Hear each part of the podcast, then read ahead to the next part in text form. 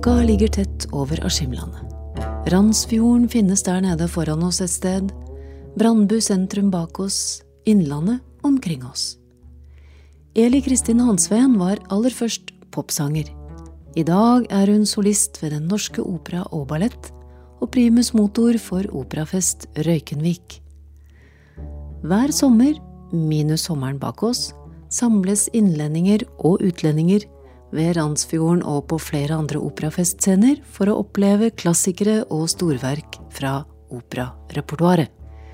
Opera til teaterfolket på julaften. Hvordan ble du operasanger? Det kan du jammen spørre om, altså. ja, men det er Jeg tror at altså For det første så måtte jeg jo ha en utdannelse, så jeg hadde noe å falle tilbake på hvis popkarrieren gikk til Bloksberg. Ja. Ja. Og det kan jo popkarrierer gjøre. Det kan de veldig fort gjøre. Og så tenkte jeg at det er mulig at mamma har rett i noe av det hun sier. Og hun sa Og hun sa jeg må lyd ha en utdannelse og ha noe å falle tilbake på. Hvis Hvor er jeg dette? skal gå til Bloksberg. Hvor er vi nå? Jeg er jo fra Biri, vet du. Men hun er fra Hedmark, da. Så jeg er det, det jeg kaller for hertata hort. Og litt av hvert. Ja, jeg er uh, herta hedmarking og herta opplending. Mora di sa at du må ha en utdanning å falle tilbake på, og da var vi på Biri. Ja. Og hva sa du da? Og så, og så tenkte jeg at ja, jo, har kanskje rett, da. Og så hadde jeg jo tatt klassisk undervisning på skolen. Jeg hadde en fantastisk lærer på, på videregående, Mina Li, som jo var operasanger. Altså, eller operautdannet, da. Hun brukte to år for å få, få meg til å slippe, slippe kjeven, f.eks. Slippe kjeven? Slippe kjeven. Hva skjer når du slipper kjeven? man blir litt sånn sin, Litt sånn sinna Vet du, med kjeven gjør sånn. Det er litt, kanskje når man er ungdom. Ja. så får man veldig mange frustrasjoner. Man tror at man synger i brystklang, som vi kaller det. Og så synger man i kjeve og hals istedenfor. Det er jo Kan du gi et eksempel på å synge brystklang? Ja, Altså, brystklangen, det, det er jo her. Sant? Det er jo ned, nedi brystet, rett og slett. Så hvis jeg sier eh, eh, Så skimrende var aldri havet Så er det veldig sånn i halsen. Men hvis jeg sier Så skimrande var aldrig havet og stranden aldrig så befriende Så mikser jeg bryst og hode. Så øh, søkte jeg meg da inn. Jeg hadde litt, litt selvtillit, men ikke så veldig mye selvtillit på det klassiske, kan du si. Da hadde du allerede gitt ut eh, Var dette etter at du ga ut de første skivene med populærmusikk? Ja, altså Da jeg kom inn der så For det første så var jeg jo kanskje litt sånn rar plante. Eh, På hvilken i, I det miljøet Nei, altså jeg eh, Jeg har jo min musikalske identitet fra andre sjangere. Jeg er jo veldig opptatt av å få musikk til å svinge, f.eks. Så jeg har liksom Jeg måtte jobbe veldig hardt for å komme inn i systemet for klassisk musikk. For jeg hadde så mye frihet fra før i, holdt seg, i huet mitt og i, i hjertet. Så, sånn at jeg måtte på en måte jobbe litt hardt for å komme inn i system og godta at dette er et system som er bra for deg. Men opplevde du at du kom inn med en eh, nokså rastløs rytmisk fot som måtte disiplineres? Eller? Det kan du trygt si. jeg føler fremdeles at jeg jobber med det, men nå vet jeg i hvert fall hva jeg gjør. Og jeg måtte også gi meg hen til det som da for meg ble opera, først og fremst. For at det er jo innen opera Det var jo det jeg liksom merka da jeg begynte å, å høre mer på musikken, gå ordentlig inn i det og liksom kaste meg ut i det. Så merka jeg jo at opera er det som Det er dit jeg skal gå. Det er ikke liksom jeg skal ikke øh, jeg skal ikke stoppe ved lider eller ved sanger eller romanser. Jeg må over til opera. For meg så er det liksom rock'n'roll. Er det det teatrale også som tiltrekker deg? Ja, absolutt. For det er et veldig sterkt uttrykk. Ja. Mye klassisk opera har jo en del av disse arketypene, og det handler om kjærlighet og lidelse og, og død. Voldsom død og sånn. Er det noe du liker, eller kan du også Altså, jeg er nok eh, som person veldig Jeg er veldig glad i ekstremiteter. Altså, jeg liker at ting er ekstremt. Jeg liker opera fordi at hvis du står på scenen altså, Det var det òg som, som, som, gjorde at jeg på en måte tenkte at det er dit jeg må gå. Det var jo selvfølgelig det med teaterbiten, for jeg har holdt på med teater fra jeg var 14. Og dans før det. Så jeg, liksom, jeg har alltid hatt veldig sånn sterkt uttrykksbehov. Uh, og det å kunne kombinere det skuespillet og på en måte et levd liv med musikk på den måten, det syns jeg var helt fantastisk. Og det andre som tiltrakk meg, det var jo at hvis det går gærent, så kan jeg bare, da har jeg bare meg sjøl å takke. Men samtidig, så hvis det går bra, så kan jeg også klappe meg sjøl på skulderen og si 'dette gjorde du bra'. Så hvis du våkner en morgen og du har en stor uh, forestilling du skal i gang med på kvelden, mm. så kjenner du at dette er en matt dag. Mm. Hva gjør du da for å finne den kraften du trenger for å gå opp på scenen? Jeg må tenke nesten motsatt. For jeg føler at jeg har så mye energi og så mye vilje og lyst og ting i meg. Så jeg må nesten tenke motsatt. Du har ikke så mange sånne dager, du? Jeg har ikke så mange mattedager, jeg. jeg har ikke det. Jeg, jeg må, før jeg går på scenen, så må jeg alltid minne meg på Husk, Eli. 70% er mer enn nok. 70% Det er blitt en sånn mantra for meg. For at 100 eh, av Eli, det er, eh, er litt overkill. Er det noe du synes selv, eller er det noe du har fått høre? Begge deler. Rett før du skal uh, ut på scenen, rett før teppet går opp, hvis teppet går opp, ja. hva skjer i deg akkurat i de sekundene før du går Uh, det siste, ti, altså siste timen, halvtimen før jeg skal på, så blir jeg veldig trøtt. Veldig, veldig trøtt. Altså, det er sånn akkurat som kroppen på en måte avreagerer mot det psykiske presset. For det er jo liksom noe med at det, du skal jo levere på høyt internasjonalt nivå. Hvis ikke så er det ikke noe vits i å levere det. Opera er en krevende kunstform. Krevende for en sanger. Hvor mye passer du på da? Akkurat nå sitter vi jo i en husmannsstue på, i nærheten av Brandbu. Mm. Egentlig med utsikt over Randsfjorden, bortsett fra ja. at dette er det stedet i verden der tåka blir laget. ja. Så dette er tåkens fødested. ja, det er det faktisk. Men vi vet at Randsfjorden er der nede et sted, og så mm. brenner det i peisen. Mm. Hvilke faktorer inni dette huset her er en trussel for stemmen din? Altså Det som er fint, er at det kommer jo frisk luft inn, som, trekk inn gjennom uh, vinduene og sånn. For meg så er det bra. Ja. Jeg tror jo at det er derfor jeg eh, holder meg frisk så mye. For jeg bor jo også i et, et uh, gammelt hus som er litt trekkfullt. Sånn at det er ikke den der astmatiske hopp, liksom, den hermetiske lukkede. Det, det kunne ikke jeg bodd i, tror jeg. Jeg blir dårlig når jeg bor på sånne hoteller òg nye hoteller, så jeg prøver å søke gamle hoteller. Sånn at jeg kan åpne vinduet og sånn. Det er jeg veldig avhengig av. Så lufta er bra. Ellers er det jo altfor kaldt. Jeg drikker kaffe. Eh, og det er jo ikke bra. Jeg drikker altfor alt mye kaffe. Ja. Så er det jo fyringa, da, som også kan tørke ut, tørre ut eh, ting og sånn. Men jeg bruker veldig mye av tida mi på å ikke bli gæren. Ja. For det, for det er liksom Man kan virkelig bli gæren. Det er så små marginer hele tida. Sånn og jeg kjenner det i og med at jeg har det gale genet. Sånn at jeg jobber imot å bruke det, på en måte. Så jeg går jo veldig sjelden med skjerf, f.eks. Du er redd for å bli overbeskyttende på ja, dine egne vegne? Jeg er så redd for det. Altså, luft er jo ikke farlig. Men trekk er farlig, farlig for meg. Kan du huske første gang du hørte opera?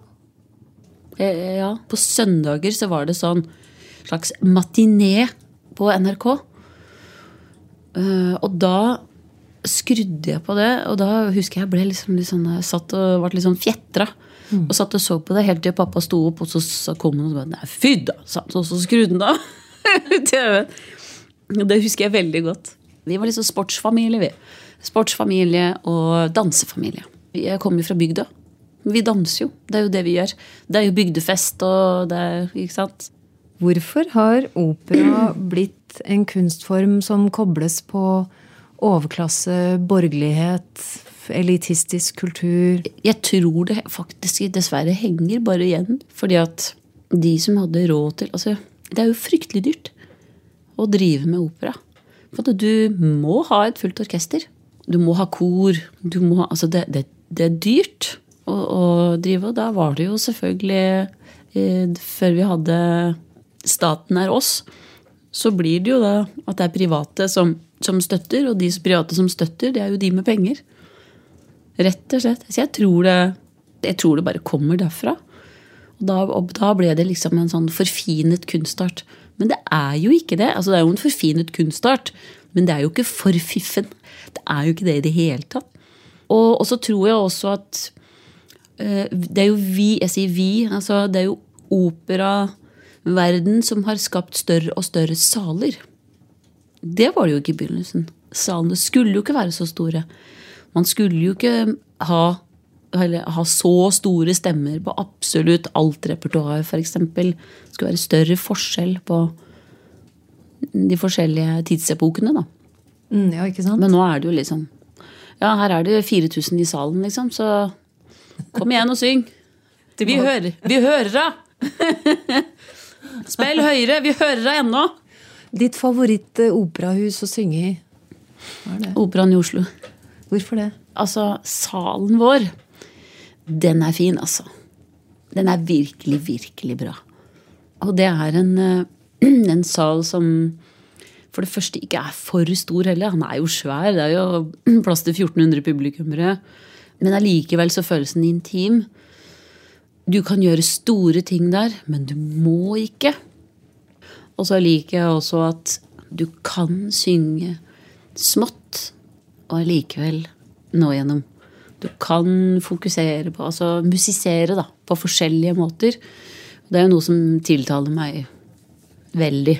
Sånn at uh, Jeg husker f.eks. da jeg sang uh, Violetta Valeri i, i, La Traviata, som er en av mine favorittroller. Uh, så var det viktig for meg å finne ut hvor svakt kan jeg synge Adio del Passato. Hvor svakt går det an å synge her? Hvordan høres det ut igjen? Adio del Passato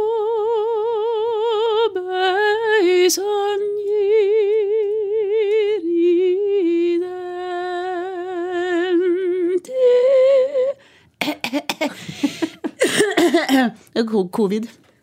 Jeg var litt, eh, litt gruffen her, men ja. ja. Du har fått kaffe og vaffel her. Mm. Men akkurat den der, mm. hvordan den melodien løper langs en streng Det er som om det bare er én linje som vibrerer.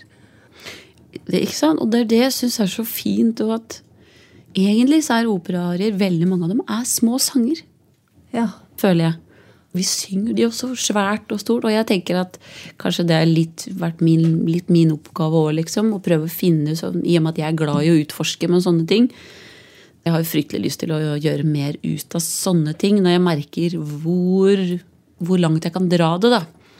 For det er jo, det er jo meg og disse ekstreme tingene. da. Jeg, jeg synes at så altså Hvis jeg synger sånn som jeg gjorde Madama Butterfly på Oscarsborg, mm -hmm. som jeg syns var det er kanskje det beste jeg har gjort noen gang. Men det var òg fordi at uh, Musikken er helt fantastisk, selvfølgelig. Det er så genialt skrevet, for det er en scener på slutten der hvor det er sånn Porcini skriver inn tre slag pause. To slag pause. Ett ord. Hvis du bare gjør det han skriver, og bare gjør det stille nok og rent nok, og ikke synger så fryktelig mye, så er det så hjerteskjærende.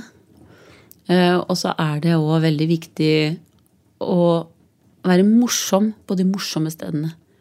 Syns jeg. Men det er jo da teatermennesket i meg som, som våkner, da. Hvis en tragedie er tragisk hele tida, så har jeg jo lyst til å ta livet av hovedpersonen før vi kommer til slutten. Eh, så Butterfly har jo faktisk eh, scener hvor hun er veldig morsom hvor hun skuespiller i skuespillet og sånne ting. Det var liksom veldig viktig for meg å få dratt ut. da. For hvis det er morsomt, så blir det jo ekstra tragisk at hun begår harakiri mot slutten. Det er veldig mange som, uh, som rakker litt ned på opera uten at de har vært i operaen. Uten at de har hørt opera. Uten at de egentlig vet hva det er. Og det må de jo gjerne gjøre, men jeg må jo få lov å protestere litt når de gjør det. Og så, altså, er det noen da som sier eksempel at ja, men det er jo så mye død og, og fordervelse og, og sånn. Ja, se. Litt sånn som i Dagsrevyen. For det er det det er. Det er jo livet. Det er sånn at, ja, men dere føler så voldsomt i operaen. Ja, har du ikke følt voldsomt, du? Stakkars deg! Hvis du ikke har følt voldsomt en gang i livet ditt, da må du i hvert fall komme deg på operaen, sånn at du har sjanse til å få litt eh, smerte direkte fra kropp til kropp. Men hva med nyere norske ting, samtidsstykker og sånn? Jeg synes jo at jeg har fått gjort litt for lite av det. Og det er jo fordi at det er for lite av det. Jeg syns jo definitivt at vi, vi, skulle ha gjort flere bestillingsverk av le, altså nålevende norske komponister. Jeg forstår at det er kostbart, men eh, jeg syns nok at det er noe vi burde finne plass til. Finne midler til. På en eller annen slags måte. Men du har sunget noe av Rolf Wallin, har du ikke det? Jo. Ja. Det var veldig gøy. Jeg husker første gang jeg så Rolf Wallin, så, så Hvor var den, da? Det var i Bergen, tror jeg. Samtidskomponist. Ja. Og da satt han og spilte på ballong. Ja. Han har en sånn ja, Veldig spennende. Jeg ble helt fjetra av den mannen. Jeg visste jo ikke at han var eh, også trompetist. Jeg var ikke klar over det, så jeg klarte jo å være ufin mot han uten at jeg visste det da vi møttes igjen.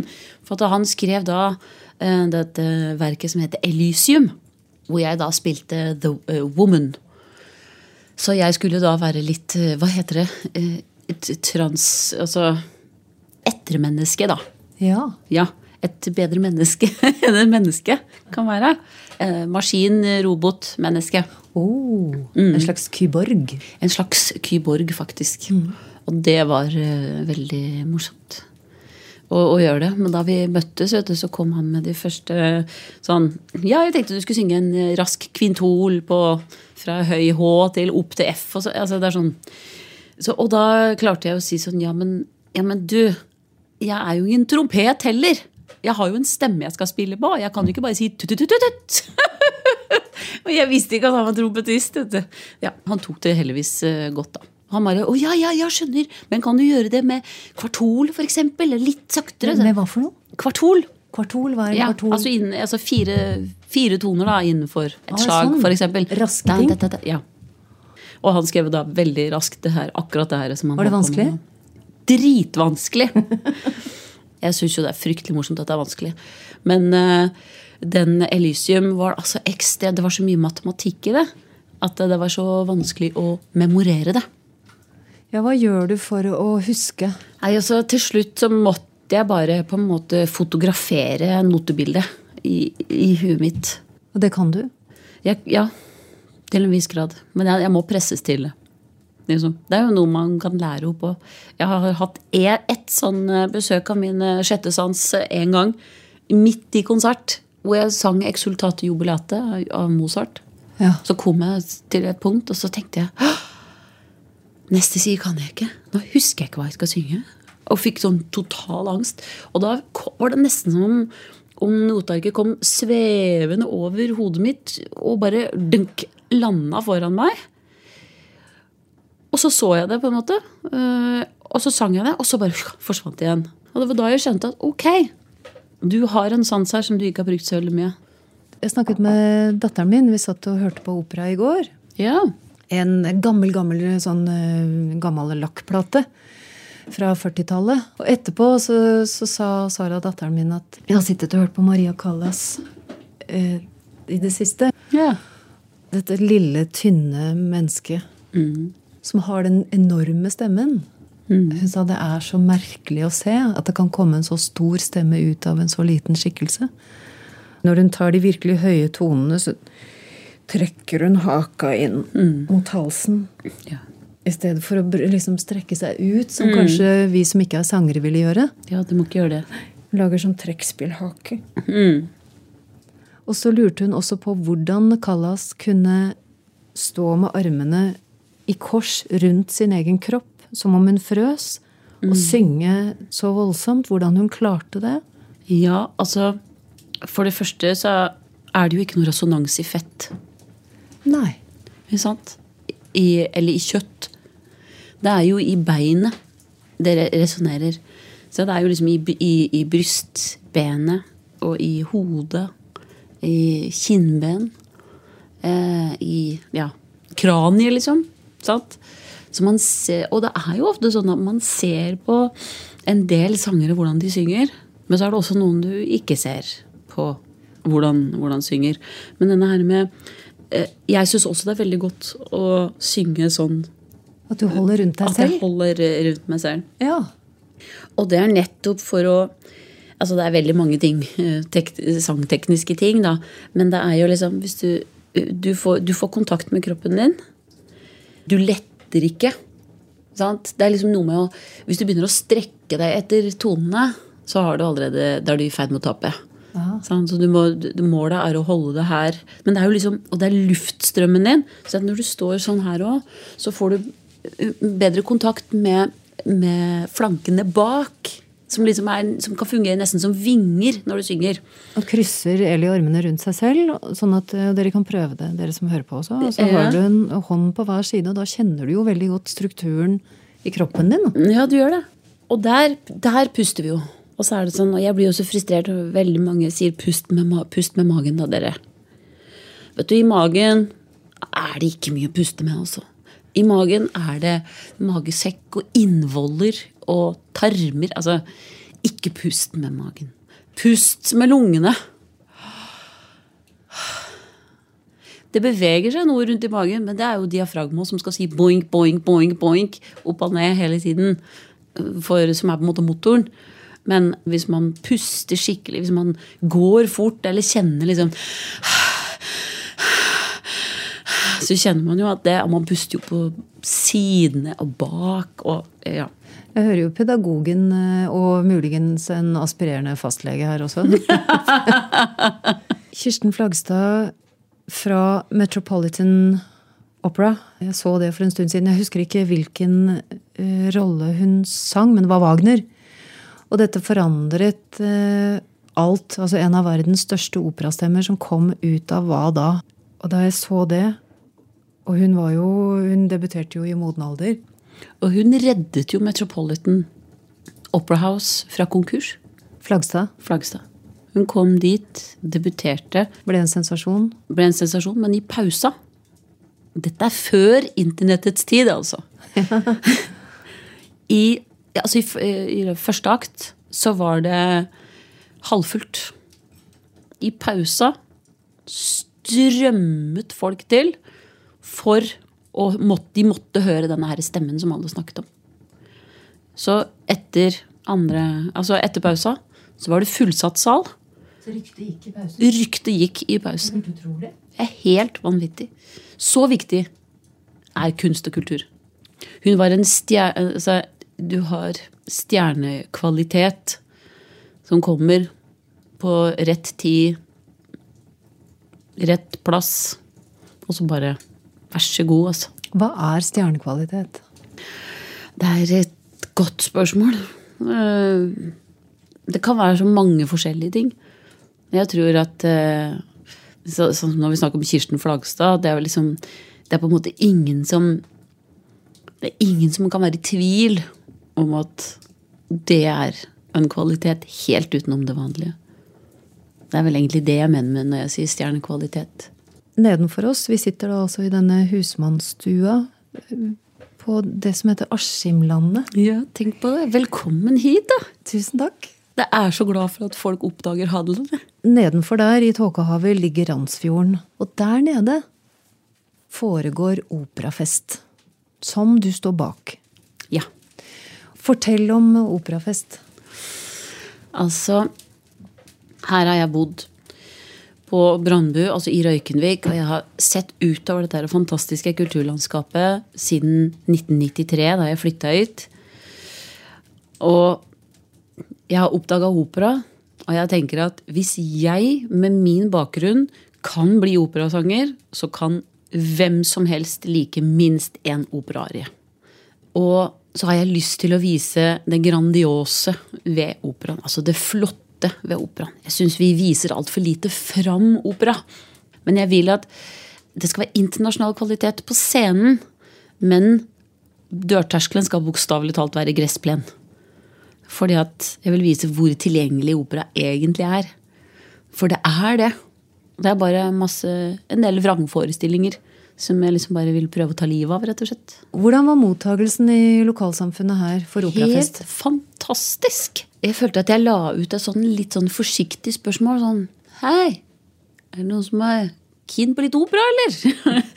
litt, så, litt sånn forsiktig. Og så fikk jeg liksom tilbake ja! Og det var så herlig. Hvis man trenger å bli minnet på et virkelig godt stykke som kanskje passer til den tida på året også, har du sånn umiddelbart noen tanker om hva man burde fylle huset med? Oh. Altså, da begynner jeg å tenke julerepertoar, da, ikke sant. Det med en gang. Og da er det jo en god del Ave Mariaer Ja. som man kan kose seg med. Eh, Jeg syns jo at eh, Schuberts eh, Ave Maria, sunget av Barbara Bonnie, er sånn den ultimate opplevelsen. Det er jo ikke opera, men klassisk sang. Det er jo ikke skrevet en o... Altså, det er ikke mange juleoperaer, liksom. Vi har ingen nøtteknekker. Men jeg syns jo at opera, det passer jo uansett. Så hvis man eh, Altså bare setter på noe herlig og romantisk, da. Hvis man skulle på en måte avvike fra O helga natt for en gangs skyld. Jeg syns absolutt at vi kan avvike litt fra den. altså, jeg liker den, altså. Ja da. Er, ja, men det er veldig mye, mye annet fint også. Men musikken gjør jo noe med oss. Vi blir jo på en måte hensatt Ja, på musikk. det er jo det som er litt av vitsen nå, ikke det? At man liksom bare kan flykte litt inn, inn i musikken òg. På hvilken måte er musikken universell? Kan du beskrive det? Dette med at vi kan synge på et språk andre ikke forstår, og likevel Så går det rett inn. så går det rett inn. Det er jo ve det er veldig interessant, uh, akkurat det der, altså. For det er så, så ofte jeg har opplevd uh, at folk har kommet til meg etter at jeg har hatt konserter. Da er det særlig på konserter, for det da, da kan jeg tøyse og tulle litt innimellom og, og in introdusere sånn som jeg ville ha gjort. Gjøre min egen greie ut av det. Og da er det jo utrolig mange som kommer etterpå og sier sånn du vet hva, jeg aner ikke hva, hva du sang om der, men for meg så var det Og så beskriver de det akkurat sånn som det skal være. For meg så var det både trist, men vakkert, og så var det litt håp i det også.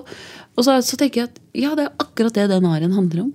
Og, og så er det noen, noen som har sagt at ja, men tenk om jeg, ikke, tenk om jeg går i operaen, og så tenk om jeg ikke liker det. Og så ja, tenk om du ikke liker det. Hva, Hva da? hva da? Du dør jo ikke av det. Nei, det er akkurat det. Ikke dør du. Vi kommer ikke til å løpe etter deg med høygafler og jage deg ut av landet heller. Altså, det, er sånn, vi, det er bare et tilbud, ikke sant? Men det er sånn Det er jo det samme med, med fotball, det. Det er jo òg det er jo litt av um, bakgrunnen for um, eh, Operafest Røykenvik òg, at eh, jeg vil jo vise opera også på det, det høyeste nivået. Jeg mener jo at det er det som folkeliggjør opera. Det å strekke nivået oppover. Når en ballettdanser tipper 40, går vi inn i en ballettdansers pensjonsalder. Når en operasanger, den som lever av stemmen, når den stemmen blir eldre, hva skjer da? Det som eh, ofte skjer, er jo at muskler blir slitne. Eller utslitte. Eller tøyd for langt. Det er jo litt det samme som med, med idrettsutøvere også. Eh, at, eh, og også, også er det hvis du har sunget eh, litt for stort repertoar, kanskje, eller som har vært litt for stort for din stemme, så kan du bli raskere sliten. Og da får du det vi kaller for en wobbel, som fort kan komme. At du, at du Ikke sant? Og Sånn. Og, det, og det kan jo bli så, såpass hardt at det kan dunke i veggene i, i et rom. Og da bør du ikke synge så veldig mye lenger. Eller hvis du ikke klarer å stramme det inn igjen, da. Men det er jo også andre muskler. Altså, det viser seg jo at egentlig så bør det ikke forandre seg veldig mye i, hal, i selve halsmuskulaturen. Så forandres ikke liksom, stemmebåndet og sånne ting før du er rundt 60. Sånn at egentlig så har vi en fiktiv pensjonsalder på 52 som operasangere. Aha. Men det er jo litt sånn for å få oss ut òg, hvis du skjønner. Hvorfor skal de få dere ut? Nei, så andre de, kan slippe til? Så andre kan slippe til. Det, vi, har, vi, har jo korte, vi har jo korte karrierer. Hva tenker du om det selv? Jeg er litt uenig i det. Jeg er for at så mange som mulig skal få mulighet til å synge på Norske Opera og Ballett Scene. Um, og samtidig så skulle jeg ønske meg et enda rikere, et større mangfold da, av stemmer. Sånn at jeg syns jo at vi bruker altfor få av pensjonistene, f.eks. Og, og det er sånne ting som for at i eldre stemmer så ligger det også mye mer personlighet. Det ligger mye levd liv. Det ligger, liksom, er masse spennende ting der. Og man er jo ikke, man er jo ikke ferdig når man er 52. Eller 60. Det er jo, det er jo bare tøys, liksom. Eh, Men det er klart så må man respektere at noen er ferdige når de er 52. ikke sant? Noen liksom, er slitne, og, og det er noe med at hele kroppen er sliten også. Ikke sant? Så man har disse her små hvor mye er det, 37 muskel, musklene som eh, fungerer rundt her. Men du har også resten Altså rundt av kroppen. Ja, Brystbein og- Brystbe, brystpartiet og opp i halsen og sånn. Men du har jo en kropp som er sliten. Du har et hode som er slitent av eh, sterk mentalt press over mange, mange år. Sant? Så du blir jo eh, Du kan jo bli litt skrudd i knollen av, av dette her. Stått i startblokka i Ja, En hel yrkeskarriere. ja, du blir du, klart du blir sliten av det. Og så er det jo resten av kroppen. Jeg pleier å si at altså, jeg merker det jo når jeg synger store, lange roller. Så blir jeg først og fremst sliten i mage, rumpe, lår og legger. Å ja. Særlig legger. Hvorfor det? Ja, det er liksom uh, noe med at jeg må bruke he hele kroppen for å få produsert uh, den lyden som, som jeg må få ut. Så, så jeg jobber jo veldig med hele kroppen, også for å unngå å bruke feil muskulatur. Ja. Og jeg, når, du, når jeg puster, så kjenner jeg det helt nedi leggene, egentlig. At jeg puster. Altså min, min tippoldefar, tror jeg, lagde Alf Prøysens første kortbukser. Så han er jo da familiens store stolthet, selvfølgelig, med å ha gjort det. Var han skredder? han var, sk han var skredder? Så han er fra mamma sin slekt, ikke sant? På, i Hamar-Vang-området. Så jeg føler jo at eh, Jeg har jo litt tilknytning til Prøysen, da. Men eh, det er jo og jeg syns jo at en av de fineste sangene, julekveldsvis, er veldig fin. Men Romjulsdrøm er jo liksom en av de som legger mitt hjerte nærmest, da. Skulle vært fire år. Ja. Skulle vært fire år i romjulen. Og kjent ei jente som var nesten fem. Ja. Og begge skulle kledd seg ut med maske og kom i julebukk og til bestemorhem. Og bestemorhuset skulle meg som sove, og bak gardina skulle ingen sjå. For de fikk stiltre seg på tå i gangen og feste maska før de knakker på.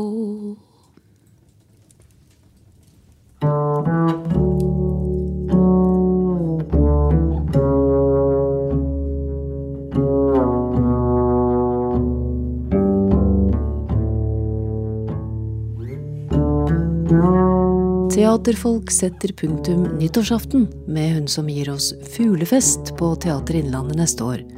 Regissør Ida Høy. Hovedpersonen er en flaggermus som heter Flaps. Eh, Bestevennen heter eh, Mark og er en mark. Eh, Og ellers så er, består rollegalleriet av en gjeng med fugler som er ganske skumle. Teaterfolk lages for Teater Innlandet av meg, Kari Slottsveen. Produsent Unni Moløkken. Bakkemannskap, foto og formidling Liv Holte Steine. Musikken er komponert og fremført av Ellen Andrea Wang.